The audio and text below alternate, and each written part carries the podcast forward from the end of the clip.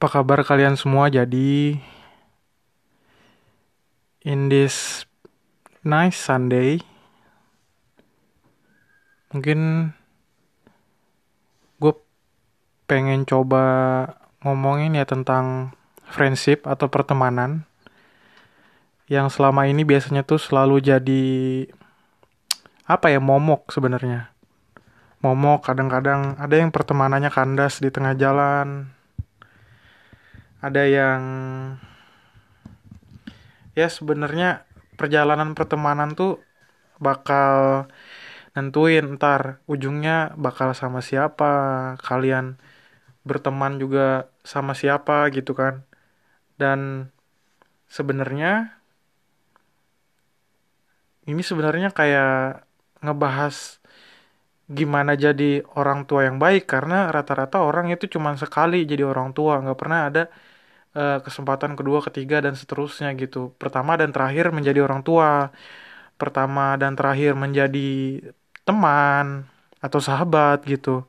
Dan begitu pun juga kayak relasi antar manusia yang lainnya gitu. Mungkin pertemanan itu adalah salah satu contoh kecilnya. Dan ada beberapa yang cerita gitu. Uh, ada yang uh, circle pertemanannya tuh bahkan bisa dibilang tuh nggak terlalu sehat gitu. Dalam artian bukan satu circle itu semuanya sakit dong nggak gitu. Jadi sebenarnya uh, menurut dia itu circle pertemanan tuh harusnya ya mengalir apa adanya tanpa ada alasan harusnya ya. Karena berteman itu nggak harus ada alasan. Ya mungkin karena ketidakcocokan bisa jadi. Cuman yang perlu digarisbawahi kalau misalnya pertemanan itu ada alasannya atau kalian teman-teman berteman itu pilih-pilih biasanya nanti pertemanan itu tuh nggak akan nggak akan lama nggak akan long lasting kayak parfum Arab gitu. Ada yang kalau misalnya udah selesai alasannya misalnya saya berteman sama dia karena dia artis. Perlu diingat bahwa semua artis itu nggak selamanya jadi artis gitu. Nah kalau misalnya kalian berteman sama orang tersebut karena dia artis, apakah akan tetap ditemani ketika dia udah bukan artis gitu. Jadi kita harus redefining atau mendefinisikan ulang pertemanan itu apa sih sebenarnya gitu. Karena kebanyakan banyak malah nggak tahu tuh pertemanan itu apa, definisinya gimana, apa yang harus apa yang harus, apa yang tidak harus gitu. Apa yang harus dilakukan apa yang jangan dilakukan karena beberapa ngerasa saking dekatnya pertemanan itu kadang kita susah komunikasi gitu. Komunikasi dalam artian kalau ada masalah itu dipin, dipendam kadang di disimpan sendiri dan sebagainya gitu.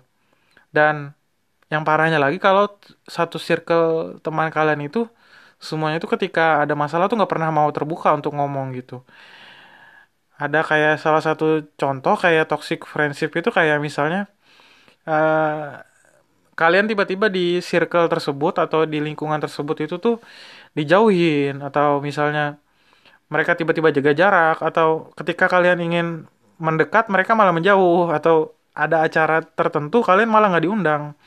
Itu contoh kali kalian itu udah mulai eh, di, di ditinggalkan sama circle itu gitu. Karena circle itu udah mengeliminasi kalian dari daftar orang yang harus ditemui, orang yang harus diajak diskusi, atau orang yang harus diajak sejalan gitu.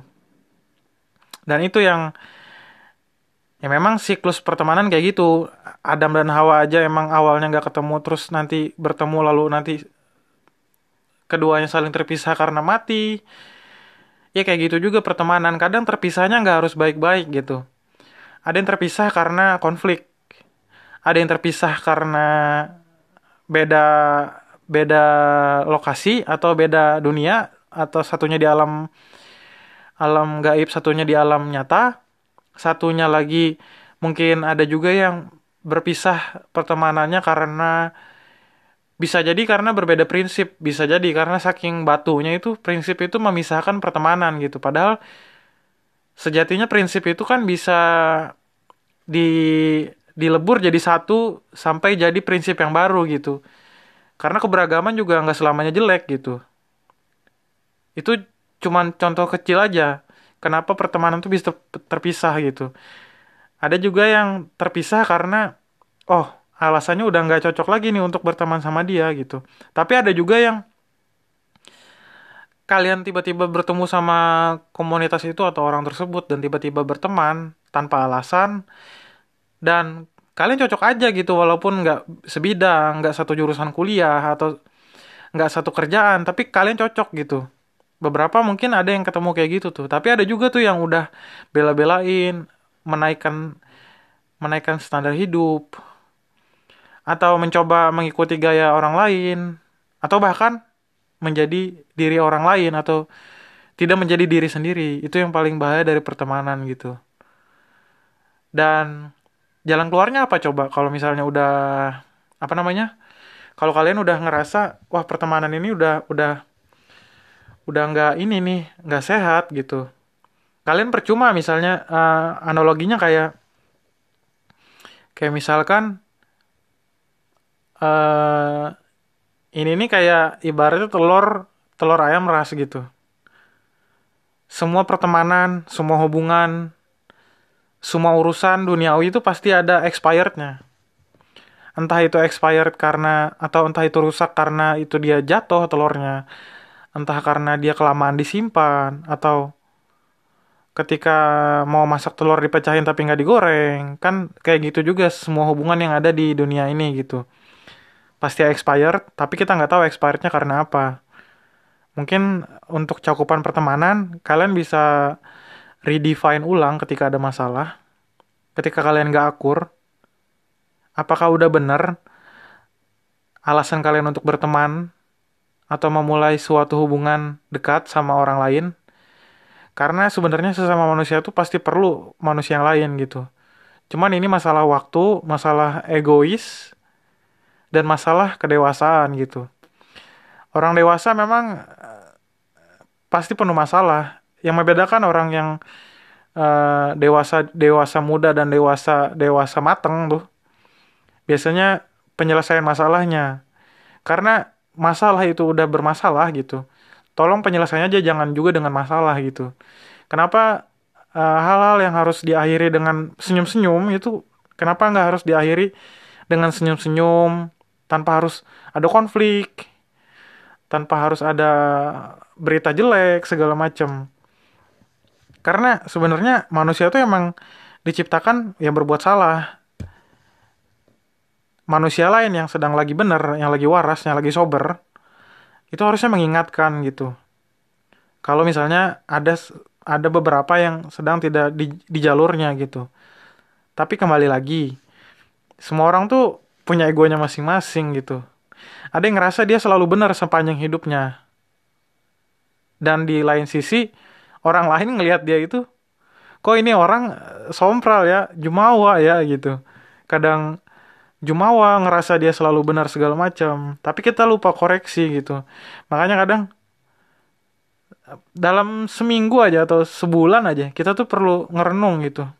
Kita sebulan ke belakang itu ngapain gitu kita udah berteman atau udah berbuat ah walaupun kita tidak berbuat sangat baik paling nggak kita tidak mengecewakan orang lain. Itu poin plusnya gitu. Kalau misalnya kita mau introspeksi gitu. Kebanyakan orang yang selalu menampilkan ini bukan generalisir ya. Cuman kebanyakan yang selalu menampilkan kebaikan itu kadang malu untuk menampilkan bahwa dia itu ada juga loh kekurangannya. Ini bukan masalah keburukan atau apa, cuman kadang kalau sesuatu yang terlalu baik itu sesuatu yang berlebihan itu pasti nggak bagus.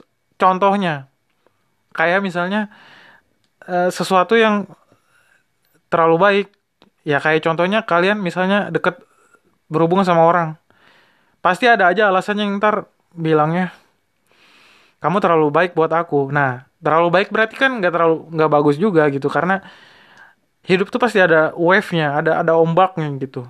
Kalau hidup terlalu terlalu disetting untuk selalu baik-baik aja, apakah kalian siap nanti menerima kenyataan kalau dunia tuh nggak selalu baik loh gitu. Contohnya sekarang,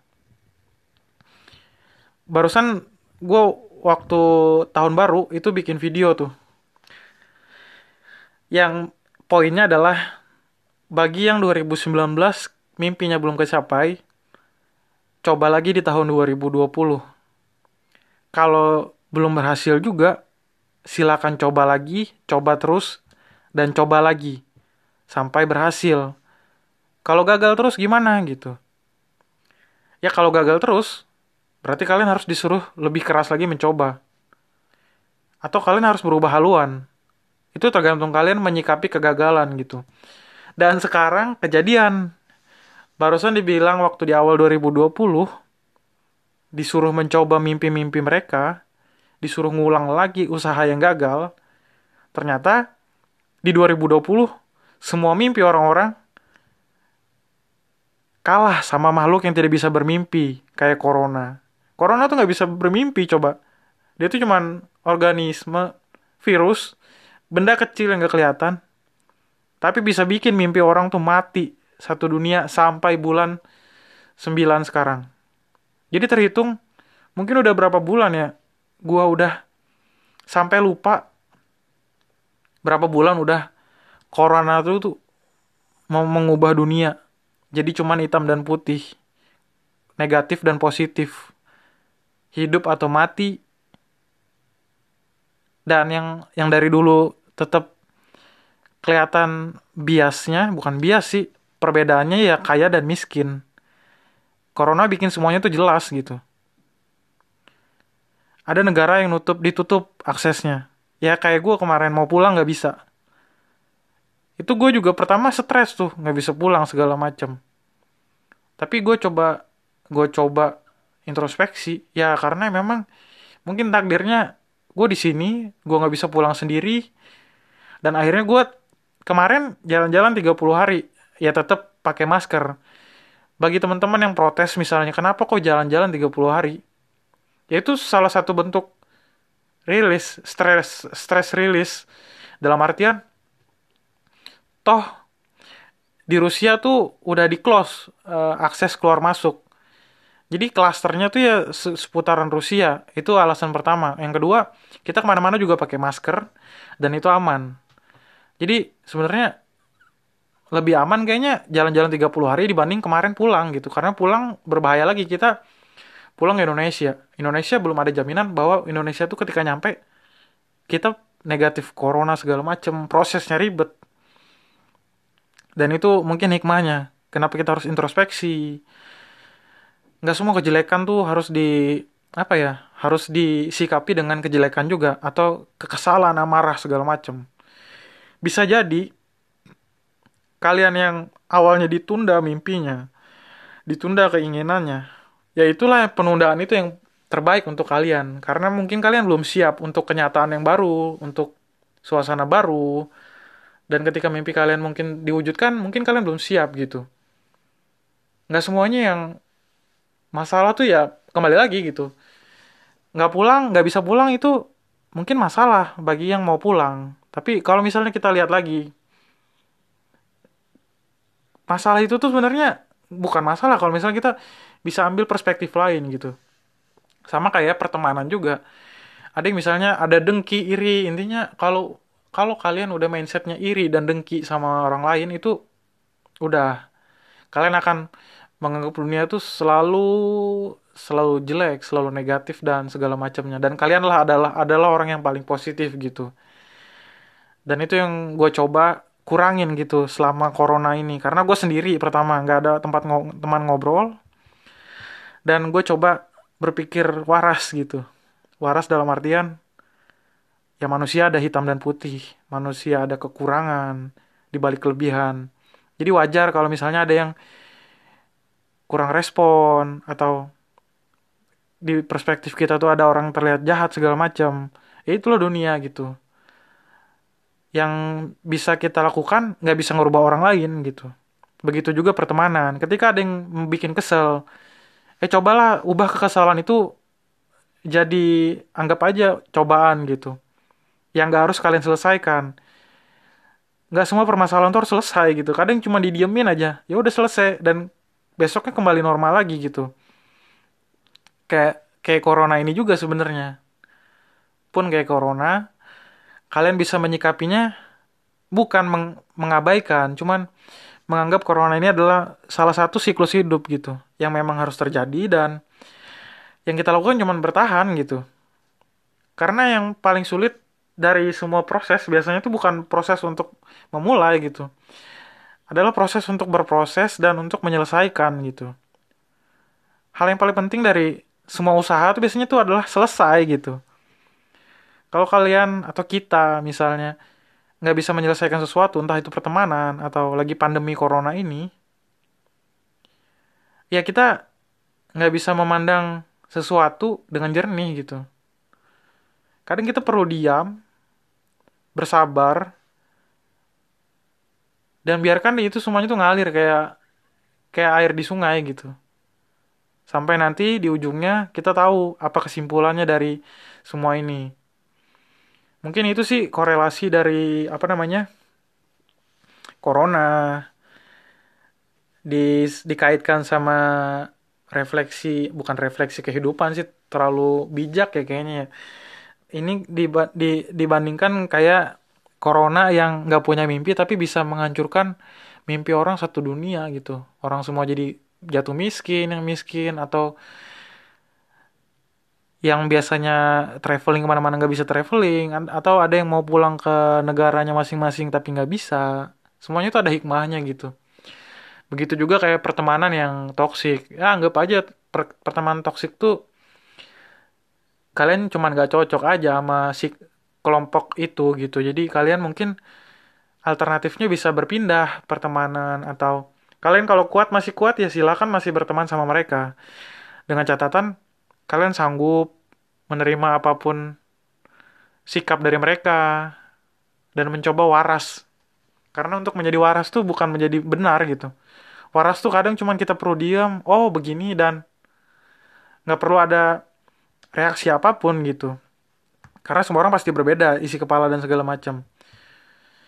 Cuman kembali lagi manusia itu selalu takut akan penolakan takut dikira salah dan segala macam dan takut tersaingi yang lebih parahnya manusia memang manusia manusia yang pada dasarnya selalu ingin bersaing selalu ingin benar mungkin bagi yang masih idealis untuk menjadi menjadi benar tanpa tanpa memikirkan atau mendefinisikan benar itu apa sih sebenarnya gitu.